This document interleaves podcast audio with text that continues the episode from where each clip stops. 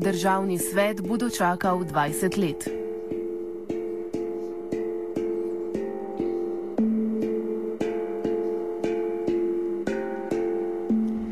Med vrstami slovenskih politikov se že nekaj časa izpostavlja problematika državnega sveta, ki je svojo kulminacijo doživela z izjavo predsednika državnega zbora Gregorja Viranta, da bi drugi dom slovenskega parlamentarnega sistema bilo potrebno ukiniti. Ker, kot kaže, ustavne večine v zboru za takšno odločitev ne bo, se iz opozicijske strani pojavljajo predlogi za upreureditev drugega predstavniškega doma.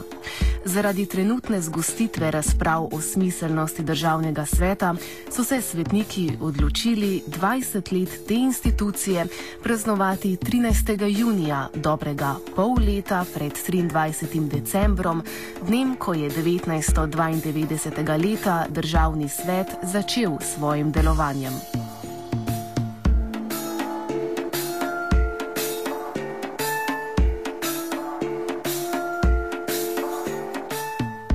Slovenski parlamentarni sistem je po ustavi dvodomen. Prvi dom predstavlja državni zbor, v katerega so voljeni strankarski poslanci kot predstavniki državljanov. Drugi dom pa je državni svet, ki je sestavljen iz 40 eh, svetnikov, ki so razporejeni po interesnih skupinah. Skupina lokalnih interesov je največja in jo sestavlja 22 članov. Šest članov šteje interesna skupina negospodarskih dejavnosti, po štiri člane pa imata interesni skupini delodajalcev in delojemalcev ter skupina kmetov, obrtnikov in samostojnih poklicev.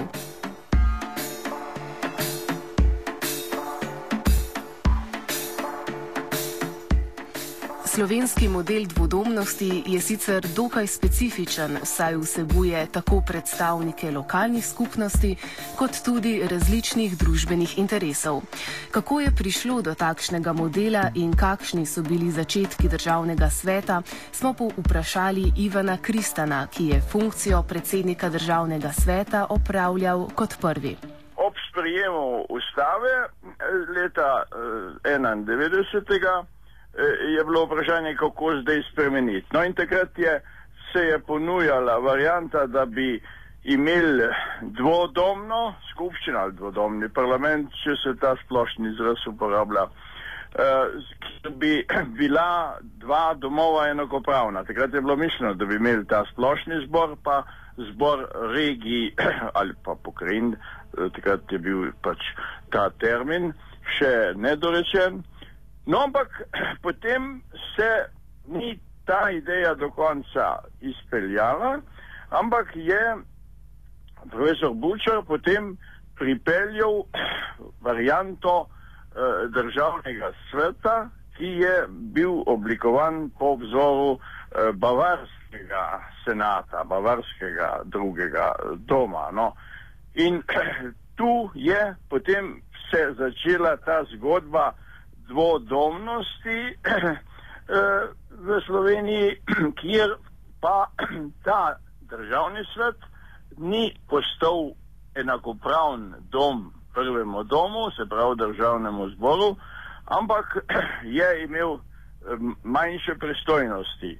Eh, kljub temu se mi je zdelo, ko sem v bistvu bil pet let predsednik državnega sveta, da so te pristojnosti kar solidne, niso, niso mehne, ampak eh, takrat se je glavni problem pri funkcioniranju te dvodomnosti eh, pokazal pravzaprav na strani državnega zbora, ki nekako ni bil pripravljen sprijeti breko to koeksistenco z državnim svetom, ampak kar naprej so se pojavljale določene ovire pri delu eh, državnega sveta. In te uvire, kot ugotavljam, v bistvu ostajajo enake še sedaj. To pravi, gre zdaj za problem, kako uravnati eh, medsebojno delovanje državnega zbora in državnega sveta, da bi ta dvodomnost, kot jaz pravim, nepopolna dvodomnost dejansko lahko solidno uh, funkcionirala. Trenutni predsednik državnega sveta Blaž Kavčič enako opozarja, da poglavitni problem funkcionalnosti sveta leži pri užaljenem odnosu poslancev državnega zbora. Problem se pojavlja že na ravni prestižnosti. Ne. Tudi če je predno, predlog zakona državnega sveta pameten, ga že iz prestižnostnih razlogov vladna koalicija podre. Ne. Konkretno je primer iz samega začetka našega mandata. Eh, predlog o uh, zavarovalnicah, kjer je najprej zmagal že v prejšnjem mandatu, konec prejšnjega mandata državni svet na referendumu, potem v mojem mandatu smo prišli s predlogom zakona, uh, ki ga je vlada seveda podrla v državnem zboru, vendar pa, so, pa je temeljna rešitev iz našega predloga kasneje na, v korigiranem predlogu zakona strani takrat še Janševe vlade pa bila vsebovana, se pravi vsebinska rešitev je prišla skozi, ni pa pisalo, da je zakon predlagal državni svet. Zakaj obstoj in delovanje državnega sveta tako motita poslance državnega zbora, da prihaja do pobud za njegovo ukinitev? Ivan Kristan. Neka oblast ne mara nobene, recimo, resnejše uvire pri svojem delovanju. In državni svet pa se pač seveda nekoliko težkoča. Eh, politikom, eh, ki si zamislijo neko rešitev in seveda jim potem eh, ne ustreza, če tu državni svet pride recimo s svojim delovanjem. Zdaj državni svet ima recimo formalno je njegova pomembna funkcija ta, da ko je zakon v, v državnem zboru, skratka, ko gre za postopek, da takrat državni svet nastopi svojo aktivnostjo. Možnosti za ukinitev so sicer majhne, prihajajo pa predlogi za reformiranje državnega sveta. Kako te predloge vidi Blaž Kavčič in v katero smer bi se, po njegovem mnenju, moral drugi dom reformirati? Ja, najprej treba reformirati odnos do državnega sveta. Sloven, Slovenija v ustavi nima parlamenta, pač pa lahko govorimo o slovenskem parlamentarnem sistemu, ki ga tvorita dva domova, državni zbor in državni svet in je to sistematično uporabljanje uh, izraza parlament pravzaprav na nek perfiden način uh, usiljevanje neke logike, da parlament je itak državni zbor. Medtem ko konkurenčna prednost slovenskega političnega sistema je, jav, je ravno strankarsko nepodrejeni državni svet. Zdaj, v okviru uh, konfrontacije, soočanja s to pobudo uh, gospoda Viranta uh, za ukinitev državnega sveta, uh, smo v vseh soočenih in na strokovnih posvetih brez dvoma dobili vse strokovne, uh, strokovna soočanja. Uh, nekatere stranke so prišle, konkretno pozitivna Slovenija, tudi s pobudami za reorganizacijo državnega sveta. Mi pač konstruktivno kot sedanje vodstvo, ki se mu konec leta izteka mandat, sodelujemo v teh razpravah menimo, da je v njih eh, precej uh, dobrega, da pa je morda premalo upoštevano dejstvo, da bi pretvorba državnega sveta v zgolj zbor pokrajin, se pravi, če bi ostali v državnem svetu samo lokalni interesi, bi to pomenilo izločanje tiste konkurenčne prednosti državnega sveta, da drugi dom ni politično strankarsko podrejen. E, to je zdaj šansa edina ta trenutek v Sloveniji e, za zagotavljanje večje širine in večje demokracije političnega prostora in mislimo, da je treba e, rešitve iskati v smeri ohranjanja tako imenovanih funkcionalnih interesov, se pravi zastopanosti v državnem svetu, poleg lokalnih interesov, tudi, tudi družbenih struktur, kot to predvideva sedaj veljavna ustava. Ustavni pravnik Ciril Ribičič pa v zastopanju lokalnih interesov ne vidi težav. Ja, poglejte, če bi zdaj to primerjalno eh, gledali, kako je v drugih državah, potem imamo kar veliko zborov, kjer imajo predstavnike lokalnih skupnosti, ki imajo ali močnejši ali pa šepkejši uh, značaj. Če bi pogledali recimo sosedno uh, Italijo, bi videli, da imajo popolni vodomni sistem, kjer ima zbor regij uh, odločilno vlogo, enakopraven prvemu zboru. Tako da zastopanje lokalnih interesov je nekaj, kar je v svetu običajno, medtem ko zastopanje, tako rečemo, funkcionalnih ali pa poklicnih interesov je pa nekaj neobičajnega. Uh, Pri nas to mnogi povezujejo tudi z tem, da smo takšno predstavništvo imeli v prejšnjem sistemu. Tako da meni se zastopstvo lokalnih interesov ne zdi sporno, celo nasprotno. Jaz mislim, da bi v prihodnosti morali oblikovati postopno zbor pokrajin, ko bodo pokrajine uh, ustanovljene uh, in da bi na ta način pač krepil regionalizem in uh, drugi dom ravno prek predstavnikov lokalnih skupnosti. Prvi predsednik državnega sveta Ivan Kristan sicer vidi zastopanje različnih interesnih skupin v institucionaliziranem predstavniškem telesu kot prednost. Jaz menim, da je sedanja sestava, sedanja struktura državnega sveta eh, bila kar dobra. Struktura namreč ta so v državni svet, za razliko od državnega zbora, ki temelji breko na tej politični strankarski podlagi, da je v državnem svetu pa prisotna nekak, recimo temu, civilna družba, da so tu pač skupine, interesne skupine, ki so določene v ustavi, pet eh, teh interesnih skupin in te, breko, eh, ustvarjajo drugačno klimo v zakonodajnem postopku, kot pa politične stranke v državnem zboru.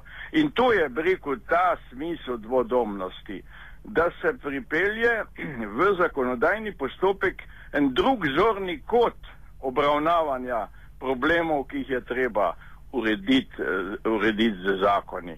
Tako da je za mene eh, koristno to, da bi ohranili preko to pluralno strukturo eh, državnega sveta. Je pa vprašanje zdaj, ali so te interesne skupnosti, te skupine, ki so eh, v ustavi določene, ali je to vse, kar bi bilo smiselno imeti, ali pa bi kazalo to spremeniti in dopolniti pritegniti še kakšne, reko druge, eh, zorne kote v državnem svetu ali ne. Skratka, če ponovim, jaz za sebe sem prepričan, da je pluralna struktura državnega sveta kot nepopolnega drugega doma, da je v interesu, da je koristna za funkcioniranje te, te dvodomnosti. Ribičič se z ukinitvijo drugega doma ne strinja. Poglavitni razlog se mu zdijo neustavnosti v zakonih, ki jih sprejema državni zbor. Ne, z ukinitvijo se ne strinjam. Zdaj, tak argument, ki bi mogoče bil najpomembnejši, je to, da smo relativno mlada eh, demokracija in da kvaliteta dela državnega zbora, kateremu ne državni svet svetuje, ga opozarja, ga na nek način nadzira, da ta kvaliteta ni dobra in ni primerljiva z uveljavljenimi demokracijami. Eh, gledati sem šel uh, za nazaj, v šestih letih je ustavno sodišče ugotovilo takšne in drugačne protiustavne pomankljivosti za uh, 160 uh, zakonov. Uh, se pravi, da so se pripombe državnega sveta premalo upoštevale in da je treba te nadzorne mehanizme, med katerimi je seveda tudi državni svet, krepiti ne pa slabiti v državi, kjer kvaliteta zakonov, ki jih sprejema državni zbor, ni na najvišji ravni. Torej nastopa državni svet kot varovalka pri sprejemanju slabih zakonov. Absolutno gre za varovalko, ki ni idealna, ki je kompromis. A veste, jaz sem bil zraven, ko se je o tem odločalo pred več kot 20 leti ob sprejemanju ustave. In takrat je do tega kompromisa prišlo zato, da ne bi bil ustanovljen uh, zbor regij, kot je, je bil takrat za osnutku ustave predviden kot kot drugi dom. Zaradi tega nima smisla skrivati uh, njegovih uh, slabosti in tega, da je to kompromisni uh, predlog, ampak boljše to kot nič, oziroma kolikor gre za reforme, bi morali uh, v smeri reform, da se ta nadzorni mehanizem krepi, ne pa slabi. Glede ukinitve tega državnega organa je previden tudi pravnik Miro Cerar, ki sicer pri strokovnih temah sodeluje z Ustavno komisijo državnega zbora. Torej, moje mnenje je, da eh, še preden bi se razmišljalo o ukinitvi državnega sveta, je smiselno poskusiti eh, ustrezno preoblikovati ta državni organ. Namreč gre za organ uh, ustavnega pomena, drugi dom parlamenta, sicer zelo omejenimi pristojnostmi, ki pa pravzaprav je šibak v svojih pristojnostih in ima na nek način nekoliko neustrezno sestavo. In jaz mislim, da bi bilo treba najprej ne, poskusiti ta organ eh, spremeniti ravno v pogledu njegovih pristojnosti in sestave in na ta način skušati torej dobiti nek uh, boljši, boljši reprezentativni organ, kot uh, ga sedaj imamo v obliki državnega sveta. Če pa bi seveda se izkazalo, da nikakor ne uspemo dobiti podpore, torej politične podpore v Sloveniji za takšno modifikacijo državnega sveta, potem pa mislim, da je na vrsti tudi razmislek o, ukinitvi uh, tega organa. Katere pa so problematike v strukturi državnega sveta? Torej, en problem je v tem, da seveda niso verjetno vsi relevantni interesi v njem zajeti. Uh, mislim pa, da seveda močnejši problem uh, je v pristojnostih, kajti izkazalo se je, da kljub možnosti veta, podajanja mnen in še nekaterih pristojnosti državni svet ne uspe bistveno vplivati, uh, saj ne v večini primerov, na zakonodajni postopek, kajti vsakokratna večina v državnem zboru, sprav koalicijska večina, lahko seveda vsak veto preglasuje, mnenja državnega sveta pa tako tako nimajo pravno zavezujoče moči. Eh, kar je pa najbolj paradoksalno, je pa to, da njegova najmočnejša pristojnost, ki je pravzaprav tudi v primerjalnem smislu, če gledamo druge države, ena najmočnejših pristojnosti, kar jih ima kateri drugi dom parlamenta, to je možnost, da zahteva razpis zakonodajnega referenduma praktično v vsakem zakonu.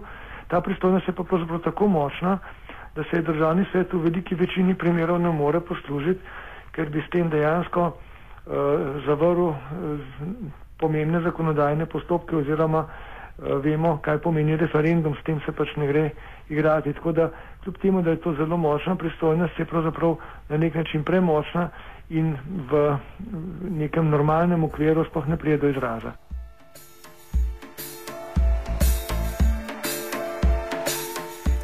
Ena izmed izboljšav poslovnika državnega sveta, o kateri se že nekaj časa govori, je tako imenovana četrta faza zakonodajnega postopka. Gre za pristojnost državnega sveta, da bi lahko dal veto na zgolj sporni člen v zakonu in ne samo na celoten zakon, kot mu je dovoljeno sedaj. Konkreten primer, pri katerem bi četrto branje zakona imelo velik smisel, nam je podal Ivan Kristan. In jaz to večkrat ponovim, eno, eno poučno zgodbo, že iz prvega mandata državnega sveta, namreč, da je državni svet je vložil, oziroma je že ugovarjal zoper zakon o visokem šolstvu pred leti. To je bil 60. člen, ki je takrat podobno je šlo za upokojevanje, kot se zdaj le pojavlja. In mi smo takrat v vseh fazah nasprotovali 60. členu, rekli, to je protiustavno. Ampak državnem zboru niso nekako hoteli tega popraviti, tudi odložilni veto, ki je bil eh, v državnem zboru, in jaz sem bil da sej tega prisoten in sem utemeljil, da je 60. člen protiustavn, da torej ne smemo sprijeti. Ampak državnem zboru so rekli, ja, zakon je tako dober, da bomo zaradi enega člena zdaj zakona zavrnili. In so, kljub temu, da so vedeli, da je protiustavn 60. člen, so zakon sprijeli, ampak so se zavezali, da bodo takoj vložili novelo zakona v postopek, da bodo ta 60. člen torej spremenili. Po tem, ko je bila novela predlagana, se je v državnem zboru zgodilo to, da je bila novela zavrnjena. To se pravi, protiustavni člen je bil zavestno sprejet. No in potem so seveda mi morali preko ustavnega sodišča doseči, da je ustavno sodišče razveljavilo ta člen. Tako da tu je problem te četrte faze, recimo, da se torej ne zavrača, torej ima cel zakon ali pa se zaradi enega zakona, da se en zakon sprejme kljub temu, da je uh, nek člen protiustavno, ampak da se samo spremeni tisti sporni, sporni člen. Kako pa je z interesom politike glede večjih ustavnih sprememb, ki bi izboljšale ali pa ukinile delo državnega sveta? Miro Cerar. V primeru diskusije o državnem svetu še ni bila se strani ustavne komisije imenovana strokovna skupina, torej skupina strokovnjakov, ki ne bi to vprašanje posebej preučila. To se bi lahko zgodilo v začetku prihodnega meseca, če bo prišlo do napovedane nekako oziroma predvidene seje ustavne komisije. Torej osebno mislim, da vprašanje državnega sveta ta hip ni tako zelo pomembno uh, v tem času reševanja krize, v času priprav in izvajanja nekih reform, da bi zajemalo neko srednjo pozornost politike, političnih strank.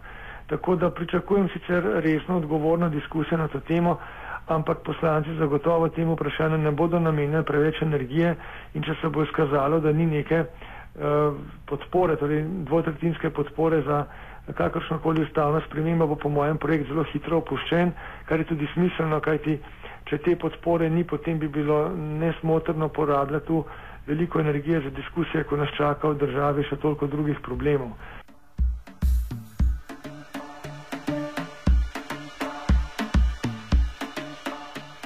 Čeprav diskusija okoli ukinitve državnega sveta za slovensko politiko in javnost očitno ni med najpomembnejšimi, pa je svetnike zmotila dovolj, da so v znak nestrinjanja proslavo ob 20. obletnici praznovali pol leta prerano.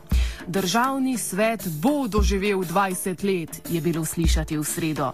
Verjetno res, a če ne pride do sprememb, bodo rojstne dneve tega organa praznovali le redki.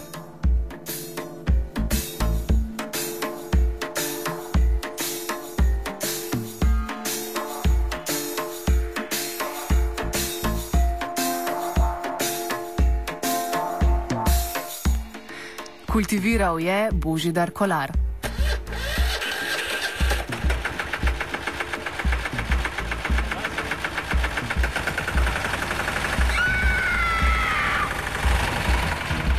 Kaj pa je to? Ja, kultivator. Gre za neko vrsto apatije. To lahko reče samo kreten, noben drug. Socialni invalid in ga je ne mogoče urejati. Drugi kandidat. Pa, pa pije, kadi, masturbira, vse kako hoče lahko počne. Nihče tega ne ve. Vsak petek v off programu skultiviramo dogodek tedna. Lahko po kriterijih radio študent, težko pa po evropskih kriterijih. Ampak na drug način, kot vi to mislite. Kultivator vedno užge. Da pač nekdo sploh omenja probleme, ki so in da pravzaprav sploh nekdo sproži dogajanje uh, v družbi. To drži, drži.